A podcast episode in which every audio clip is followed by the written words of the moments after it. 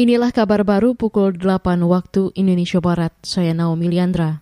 Menteri Pertanian Syahrul Yassin Limpo menyebut Presiden Joko Widodo meminta kementerian terkait mengingatkan produksi gula nasional.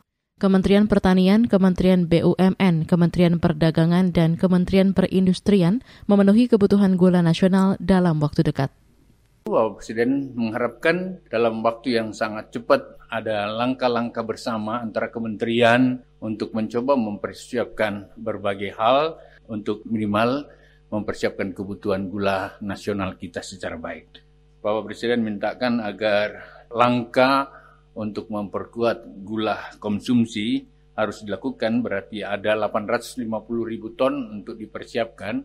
Saya mendapatkan perintah bersama menteri lain Menteri Pertanian Syahrul Yassin Limpo bersama Menteri BUMN Erick Thohir secara khusus diminta untuk meningkatkan produksi gula konsumsi guna memenuhi kebutuhan nasional 3,2 juta ton. Saat ini produksi gula baru 2,35 juta ton. Syahrul mengatakan Presiden memberi arahan tersebut dengan mempertimbangkan stok gula yang ada. Apalagi pasokan gula dalam negeri akan terpengaruh situasi global di mana negara-negara pengimpor tengah mengurangi kuotanya. LSM Koalisi untuk Orang Hilang dan Korban Tindak Kekerasan Kontras membuka peluang melayangkan gugatan ke Pengadilan Tata Usaha Negara PTUN apabila Kementerian Dalam Negeri Kemendagri tidak menindaklanjuti temuan Ombudsman soal maladministrasi pengangkatan PJ Kepala Daerah. Peneliti Kontras Adelita Kasih. Kalau misalnya mungkin uh, tidak ada tindak lanjut dari uh, Mendagri da, dari rekomendasi Ombudsman uh, ya bisa aja ada kemungkinan untuk kami melakukan upaya gugatan uh, PTUN.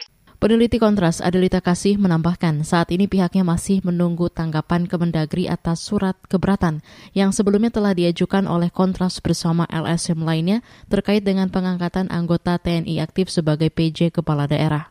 Saudara Ombudsman RI menemukan tiga bentuk maladministrasi yang dilakukan oleh Kemendagri dalam prosedur pengangkatan PJ Kepala Daerah. Salah satunya meliputi pengangkatan anggota TNI aktif. Ombudsman memberi waktu selama 30 hari untuk menindaklanjuti rekomendasi berupa tindakan korektif. Ketua Indonesia ASEAN Para Games 2022 Organizing Committee Inaspok, Gibran Raka Buming Raka menyebut ajang ASEAN Para Games 2022 gratis untuk ditonton oleh masyarakat. Gibran memastikan masyarakat bisa menonton setiap perlombaan secara gratis. Melansir CNN, Wali Kota Solo itu juga menyampaikan syarat bagi penonton yakni sudah mendapatkan vaksin booster.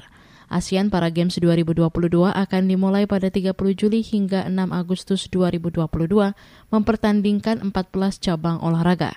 Kota Solo menjadi venue utama penyelenggaraan pesta olahraga difabel antar negara ASEAN tersebut. Selain Solo, Kabupaten Karanganyar dan Kota Semarang juga menjadi lokasi penyelenggaraan acara. Saudara, demikian kabar baru KBR. Saya Naomi Liandra undur diri.